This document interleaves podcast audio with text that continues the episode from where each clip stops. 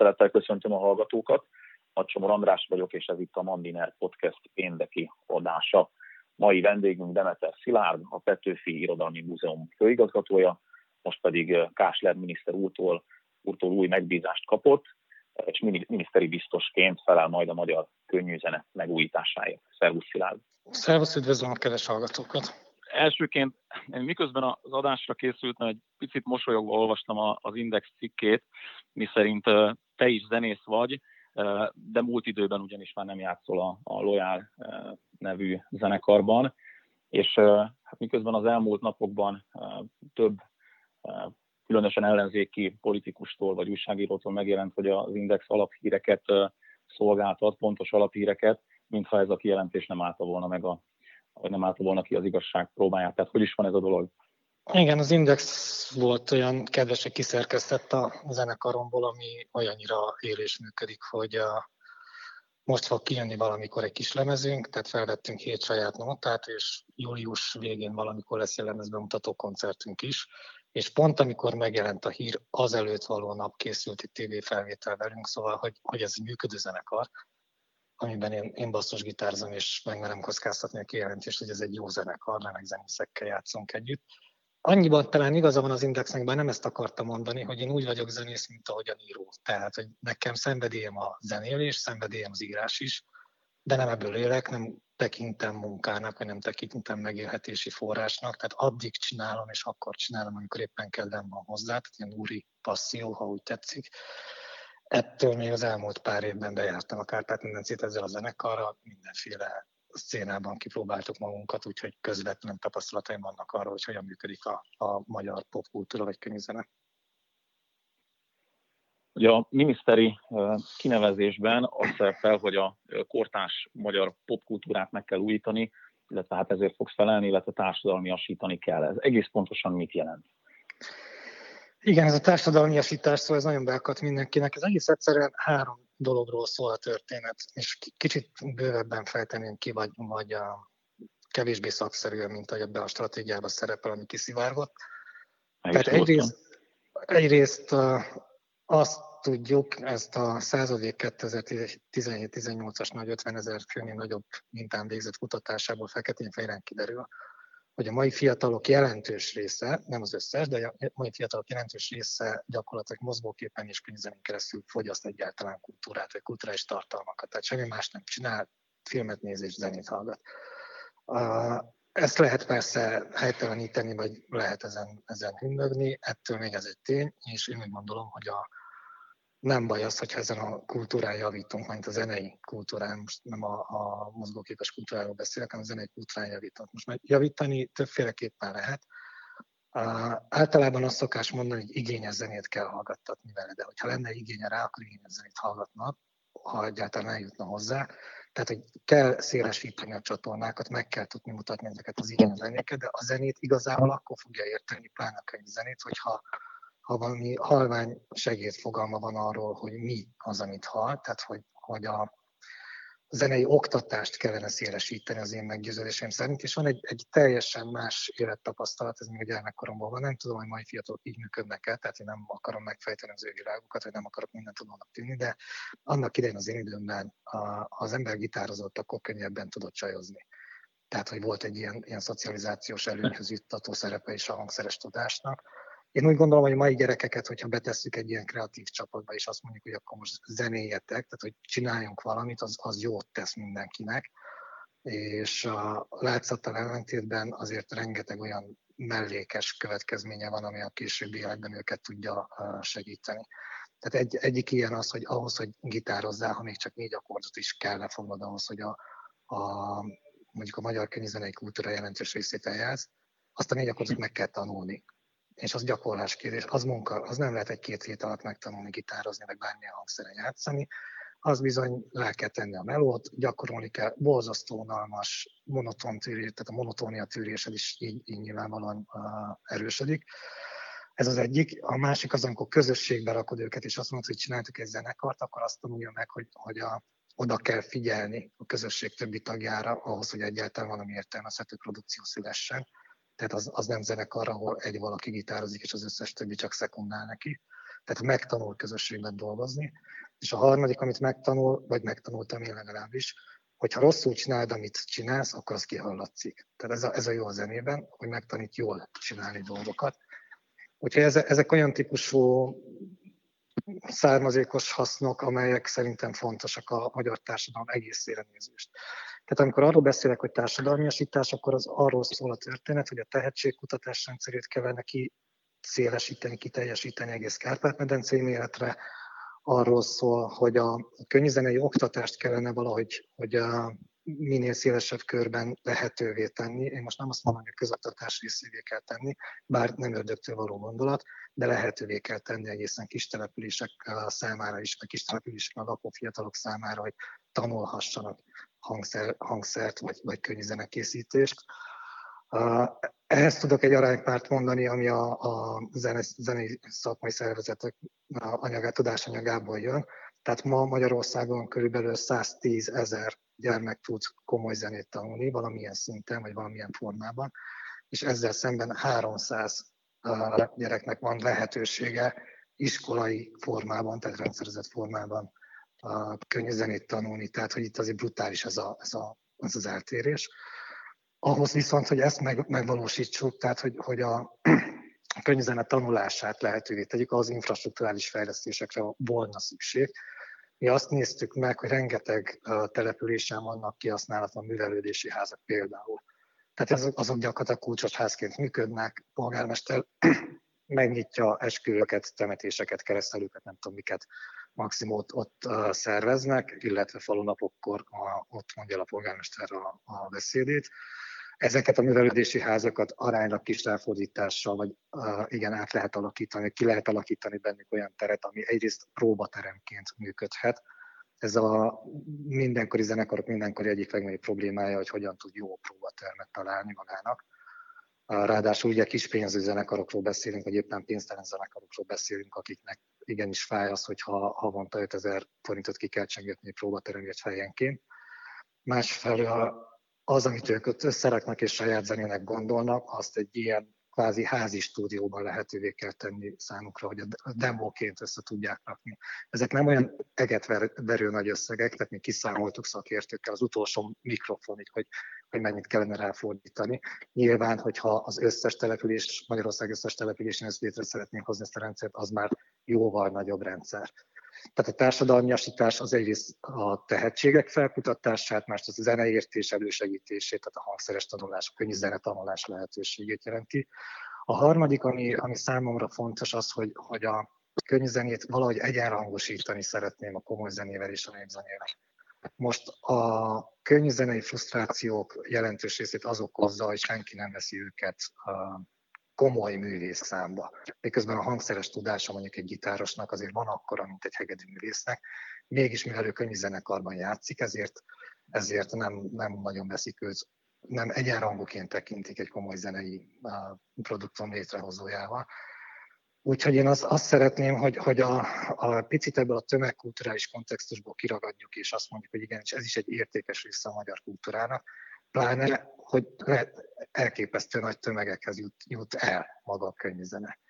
És ami még nagyon fontos az egész stratégia alkotásban, és a társadalmiasításnak egyfajta, hát inkább komplementere, mint sem konkrétuma, meg konkrétan a célzó része, hogy a, megnézzük, hogy milyen produkciókat lehet eladni külföldön. Tehát melyek azok a magyar produkciók, amelyek akár mérhető sikereket is érnek el külföldön, és az az érdekes, hogy a, főként az úgynevezett underground, a szubzsánerekben alkotó zenekarok futnak be nagyobb pályát, és általában azok a zenekarok, akik valamely közép-európai vagy akár magyar karakterisztikumokkal bírnak, tehát akik attól mások a világ összes többi produkciójától, hogy felvállalják azt a kulturális hagyományt, vagy kulturális közeget, vagy azokat a jegyeket, amelyek, amelyek sehol máshol nem találhatóak meg, tehát hogy önazonosabb a tudnak lenni. És mernek élni a saját zenei anyanyelvvel, vagy azzal a zenei örökséggel, ami itt a Kárpát-medencében az elmúlt évezredek során fölhalmozódott. Úgyhogy ez nekem kimondott, kimondottan azért fontos, mert ez így visszaállít bennünket a saját nemzeti kultúránkban. Tehát ez egy nagyon triviálisan, vagy egyszerűen lefordítva, a kultúra éppen az a terület, ahol nem arra vagy kíváncsi ami ugyanolyan, mint az összes többi, hanem ami más. És a mi másságunk, tehát abban tudunk mások lenni, ami sehol máshol nincs meg a világon, csak itt a Kárpát-medencében. Nagyon sok érdekes dolgot mondtál, és ki is fogunk térni akár az oktatásra, akár a tehetségkutatásra.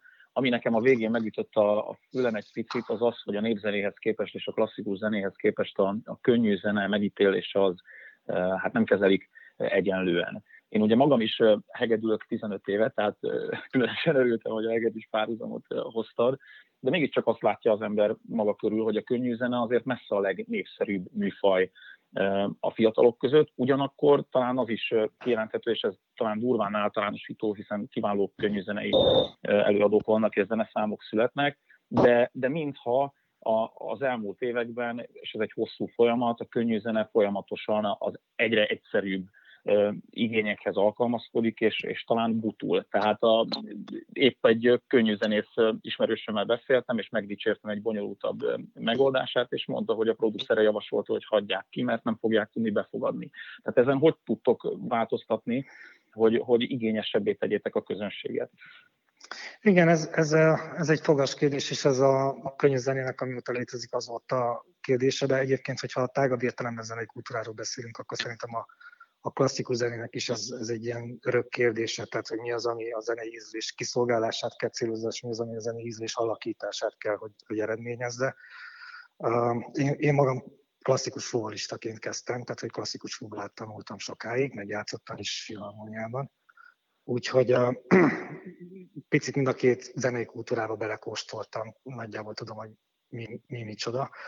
Itt igazából két megoldási lehetőséget látok én erre a, erre a kérdésre. Tehát azt nem gondolom, hogy indoktriner, indoktriner vagy, vagy nagyon ideológikus módon bele kellene feszülni, és azt mondani a, a kedves mai fiataloknak, hogy már pedig, amit most hallgattok, a szart, legyetek szívesek, hallgassátok ezt, mert ez jó. Ez nem fog működni egész egyszerűen, akkor, akkor már eleve befeszülnek, tehát, hogy azt, ami jó, azt, ami, ami, ami minőségi, azt kell úgy becsomagolni, vagy azt kell minél szélesebb körbe úgy teríteni, hogy ne legyen igénye a szart hallgatni, mert valami többletet kap attól, ami minőségi. Tehát ezt a zenei minőséget, vagy a minőségi zenét kell szélesebb körben teríteni és megmutatni neki. És ez az edukációval összefüggésben, tehát ha érteni fogja, hogy az mitől minőségi, vagy mitől jobb, vagy miért szólítja őt jobban meg, mint a másik, ami egyébként zajfüggőnként folyamatosan megy, egy iszonyatos nagy marketinggépezet van mögötte. Tehát az, amikor a producerek azt mondják, hogy azt vedd ki ezt a bonyolult megoldást, mert nem fogják megvenni, az egy produceri logika, az arról szól, hogy beméri a zenei közizlést, és ahhoz igazodva akar eladni neki egy terméket. Tehát ez egy marketing logika, és sajnos a zeneipar, most tudatosan használom ezt a, ezt a megjelölést rá, az ilyen, el akar adni egy terméket. És ott nem a zene minőségéről szól a történet, vagy nem a zene tartalmáról, hanem egy termék eladásáról szól, annak minden hozadékával. Ez nem ördögtől való, így működik mindenütt a, a tömegszórakoztató, tömegszórakoztatás, tehát bármi mást is be tudnak csomagolni, ugye lebutítanak, hogy el tudják adni a terméket. Csak én úgy gondolom, hogy ez, ez az úgynevezett piaci logika, ez az, amiben az államnak nem kell belemennie. Tehát nekünk nem kell megítélni a piac természetét, vagy nem kell azt mondani a piacnak, hogy már pedig holnaptól csak az lehet piacképes, ami így és ilyen és ilyen kritériumoknak megfelel, mert az, az már egy, egy olyan típusú beavatkozás lenne, amiből jó nem születik nekünk. Abban kell segítenünk a magyar zenészeket, meg a magyar zenekarokat, a magyar zenei kultúrát, vagy könyvzenei kultúrát, hogy meg tudják mutatni a saját minőségi produkcióikat.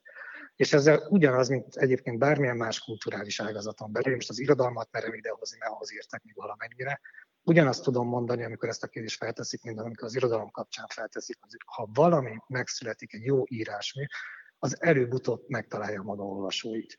Tehát nekünk ezt az utat kell valahogy lerövidíteni. Mert az, az értékét, tehát a megszülető minőségi zenedarab, vagy éppen regény, az önmagába hordozza. Tehát az nem függ marketing eszközöktől, illetve nem függ éppen piaci ízlésterrortól.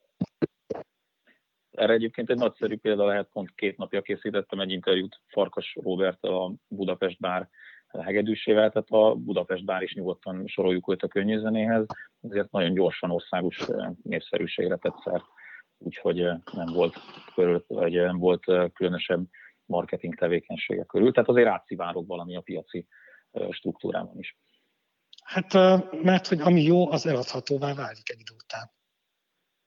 Tehát, hogy ez ilyen egyszerű a történet, hogy ha valamit nagyon jól csinálok, és az emberek elkezdik, mert azért felismerik, tehát nem hülyék. Nem, most ezzel nem azt akartam az előbbiekkel mondani, hogy, hogy most mi magyarok hülyék lennénk rosszok, és nem értünk a minőségi zenéhez. Azt mondom, hogy, hogy a zenei ízlést, vagy a zenei értést kellene nekünk elősegítenünk, nem is alakítanunk, hanem elősegítenünk, vagy lehetővé tennünk, hogy minél több ember értsen, mi történik. És ha valami feltűnik, valami minőségi produkció, az, az úgyis kiver, erről beszélek, kiveri a maga útját. Tehát a Budapestben az, az egyébként nagyon összetett a maga könnyedség látszatával együtt. Nagyon profi muzsikusok csinálják, és ott minden hangnak megvan a funkciója, tehát hogy ott azért van egy tudás mögötte. Az, hogy könnyedén tudják csinálni, és professzionálisan úgy adják el, mintha az ott folynak ki belőlük, az az ő nagyszerűségüket mutatja, de, de hogy megvehető, és az emberek élvezik, ez, ez, ez természetes, hiszen értéket kapnak. Tehát a zene minden művészeti produktum, de a zene elsősorban ugye a zsigerekre hat, tehát megfog, nem tudod megmagyarázni, miért tetszik neked, vagy miért nem tetszik neked, tehát hogy nem lehet egy ilyen kőkemény esztétikai vastravernyelzetben elmondani, hogy ez a zene tetszik, és azért tetszik, az a zene azért nem, mert stb. Ezért nem lehet objektív mércéket felállítani, hogy melyik zene az, ami kifejezetten jó, vagy melyik az, ami kifejezetten nem jó, de hogy valahogyan hat, valahogyan megfog, és amikor ez megtörténik, onnantól kezdve annak a zenei produktumnak, vagy zenei terméknek, vagy zenei zeneszámnak, vagy dalnak egyszerűen önálló élete lesz, és meg fogja találni a szélesebb közönséget. Térjünk rá talán egy kicsit a, a, az oktatásra. Ugye említetted, hogy amíg a klasszikus zenei képzés, képzéshez, ha jól emlékszem, 110 ezer ember fér hozzám a Magyarországon, addig a, addig a könnyű zenei oktatáshoz 300. Én teljes mértékben egyetértek azzal, hogy ezt fejleszteni kell, ugyanakkor a, abból kifolyólag, hogy magam is zenélek, és sok, sok zenész emberrel beszélek, az egy viszonylag általános vélemény, hogy klasszikus zenei előképzettség nélkül hát nem, nem biztos, hogy lehet a legmagasabb szinten akár bármilyen műfajt játszani. Ez, ezzel egyetértek? Zene, zenei előképzettség. Tehát az, hogy, hogy a klasszikus, vagy népzenei, vagy jazz, vagy hát a jazz, éppen azt mondja, most a popkultúrához szokás, hát valahol utazik a popkultúra és a komoly zene között, tehát ilyen senki földjében ez, ez mind előfeltételez valami fajta zenei előképzettséget. Tehát a szolfés az mindenkinek szolfés, vagy az ellenpont az mindenki számára ellenpont. Tehát a zenei törvényszerűségeket az, az minden zenében alkalmazzák. Úgyhogy ezt a bizonyos nevelést ezt meg kell adni. Tehát a, még, még azoknak is meg kell adni, akik számítógépen lupokat raknak egymás mellé, és azt mondják, hogy ők most akkor is zenét szereznek, hogyha nem hangszerekkel csinálnak, nem ők programozzák be a hangokat, vagy írnak mert attól a harmónia az harmónia marad, és, és a diszharmónia az még diszharmónia marad, tehát hogy nem, nem lehet ezeken változtatni. Ezt a típusú zenei alaptudást ezt valóban mindenki számára lehetővé kellene tenni.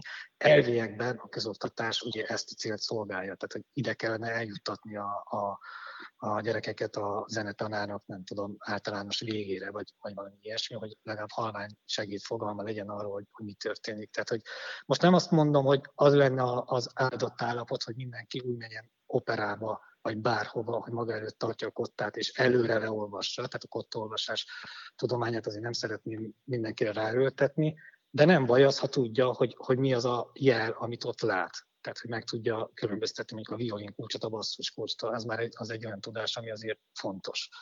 Tehát, hogy, hogy ezt a zenei előképzettséget kellene lehetővé tenni mindenki számára, aki szeretne zenélni, vagy, vagy éppen szeretné érteni a zenét, vagy, vagy ha nincs is tehetsége, mégiscsak tudni szeretné, mi történik ebben az egész szénában.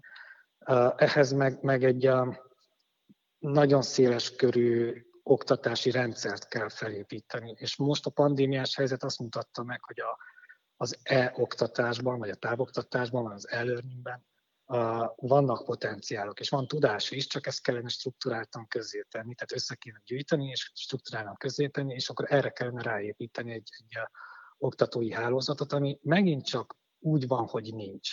Tehát rengeteg olyan tehetséges, vagy egészen jó uh, zenész van, aki valamilyen formában oktat, tehát hogy akár magánórát tart, vagy valamilyen formában oktat. Másik része meg tengődik, rengődik, mert mégse tud annyi magántanár lenni egy kis piacon, mint amennyi, amennyi meg tudna élni. A, ő, őket meg nem tudják felvenni az iskolák. A, hivatalos oktatói állományban, mert nincs róla papírjuk. Tehát nekünk most nincs Magyarországon jelen pillanatban egy olyan a intézményrendszerünk, aminek a végén valaki kijön, és mondjuk gitároktatói diplomával vissza tudna menni Zalaegerszegre iskolai oktatásban gitárórákat tartani. Tehát hogy ezeket az apró dolgokat is ki kellene valahogy egyenesíteni, meg, meg rendszerben szervezeten összerakni. Hogyha ugye ez álnaív kérdés lesz, de mi a baj a mai magyar tehetségkutatással, mármint a, a zenében? Mi a baj az X-faktorral, vagy a baj nincs. Hát ez a baj, hogy az, arról tudunk, hogy van X-faktor és van Megasztár, de arról nem tudunk, hogy van például Öröm a zene a tehetségkutató rendszer. Ez 27 állomásos tehetségkutató egyébként, tehát 20 Magyarországon és 7 külhonban. Tehát, hogy van egy ilyen... rajta. Na, de te tudsz róla, a szélesebb közönség meg nem tud róla, illetve hát nagyon kevesen tudnak róla. Tehát, hogy azért van egy tehetségkutató rendszer, ahol feltűnnek olyan tehetséges zenekarok. Ezt, ez, a, ez, ez a zenei életpályamodell, amit szintén megpróbáltunk legalább ilyen vázlatszerűen felvillantani. Tehát, hogy, hogy lehetővé kellene tenni ezeknek a tehetséges gyerekeknek a feljutását.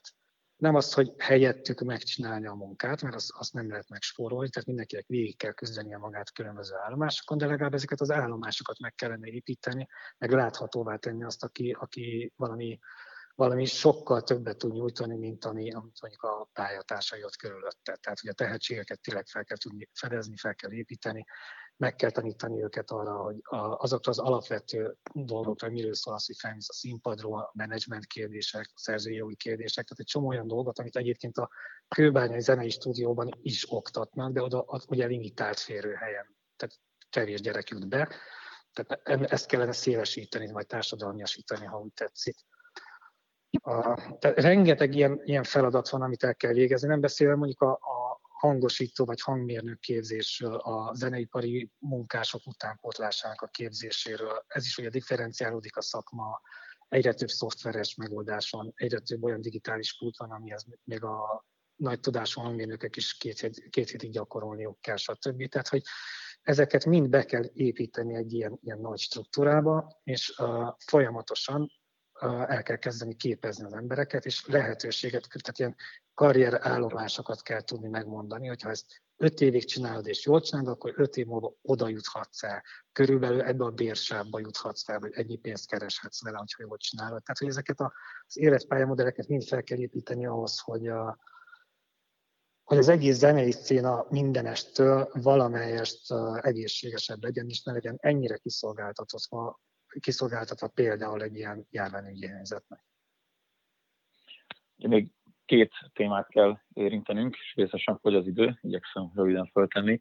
Ugye az egyik a rádiózással kapcsolatban, tehát szó volt arról, hogy egy, egy új könnyűzenére épülő rádiós rendszert építenétek ki.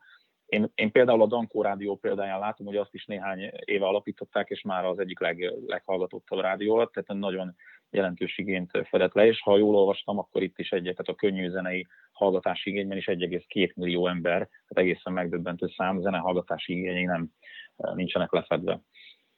Igen, ezek piaci mérések, meg a, a különböző érdekvédelmi, meg szakmai szervezeteknek a méréseiből tevődik össze ez, a, ez a, az információ mennyiség. Igyekeztünk minden tudást felszívni, ami eddig meg, megtermelődött ezen a szénen belül.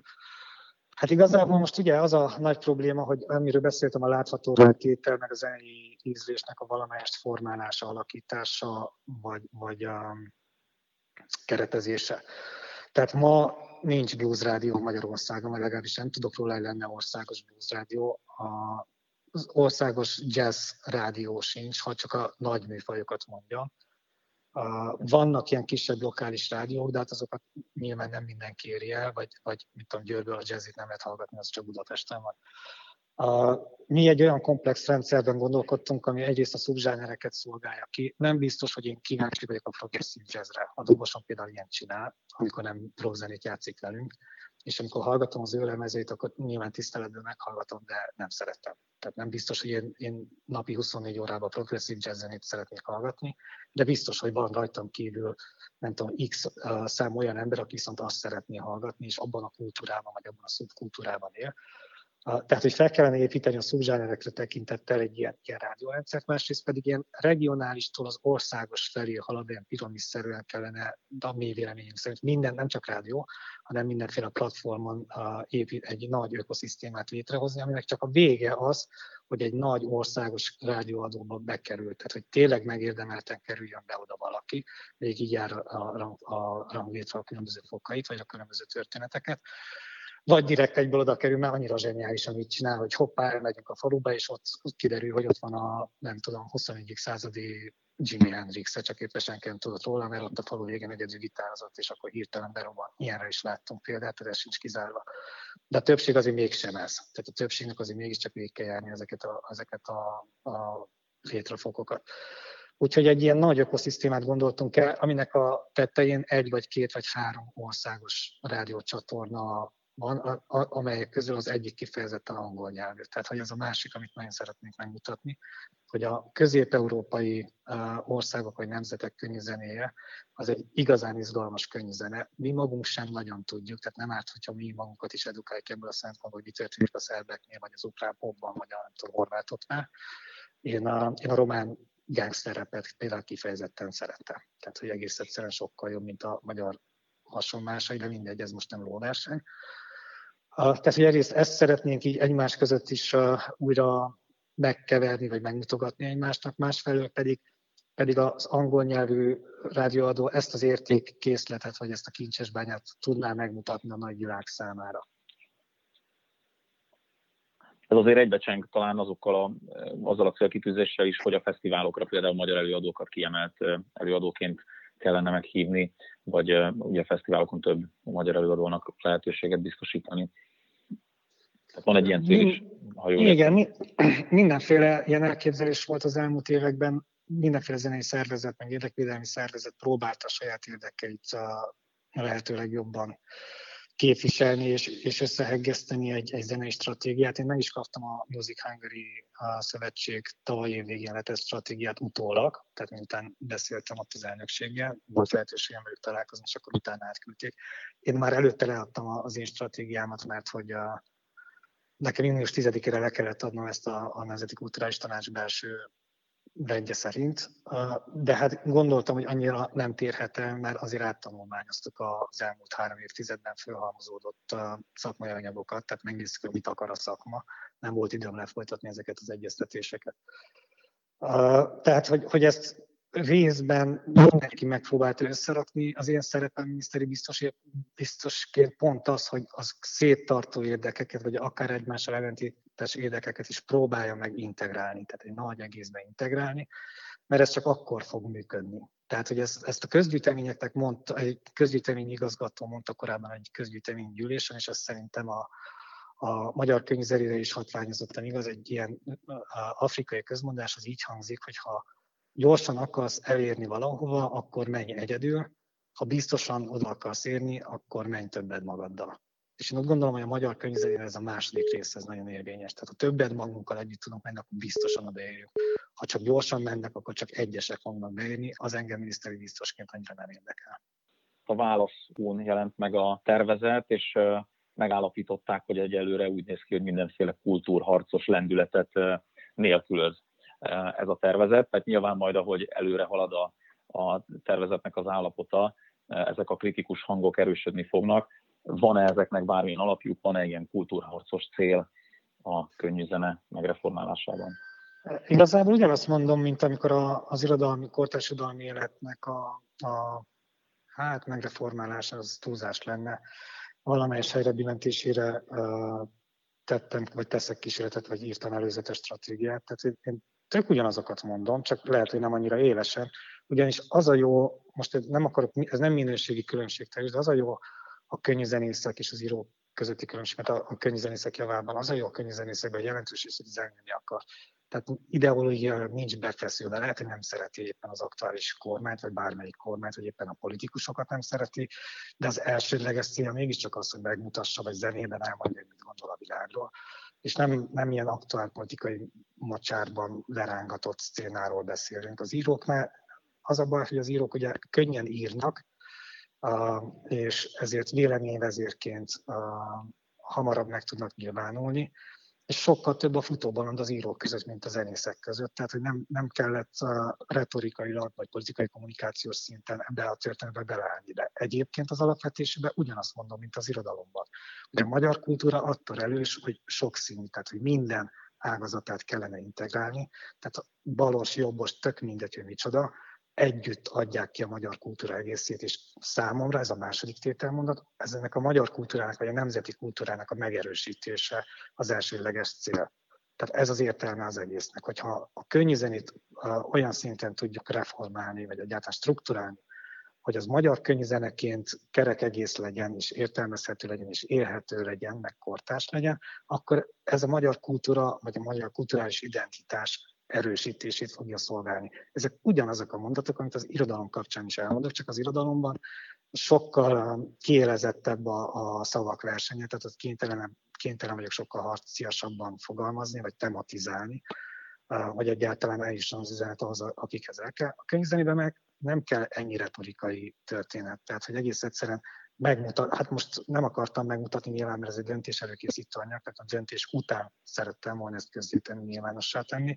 De így, hogy kiszivárgott, így most már látják azok a szereplők, akik engem, nem tudom, Erdős Péter kettőnek neveztek, egyébként az irodalomban meg acél, kicsi acélnak neveztek, tehát hogy a logika az ugyanaz, meg Sanzon bizottságról beszéltek, meg Antonia Bóbáratról beszéltek, azok most már láthatják, hogy ők alaposan árnyékra vetődtek, tehát hogy ez nem, de az irodalomban sem ez a cél. Én a a, nem tudom, most már bő, vagy lassan két éves főigazgatói pályafutásom, meg kortárs irodalmi mozgató, vagy kvázi döntéshozó szerepemben egyetlen egy tartalmi kérdésben nem döntöttem. Tehát soha nem döntöttem, nem döntöm el, hogy ki kapjon ösztöndíjat, nem döntöm el, hogy ki miről írjon, mert zenészként, illetve a íróként én is kikérném magamnak, ha bárki bele akarna szólni az én történetbe. Az én feladatom nem az, hogy tartalmi kérdésekbe döntsek, az én feladatom az, hogy infrastruktúrát építsek és lehetőségeket biztosítsak.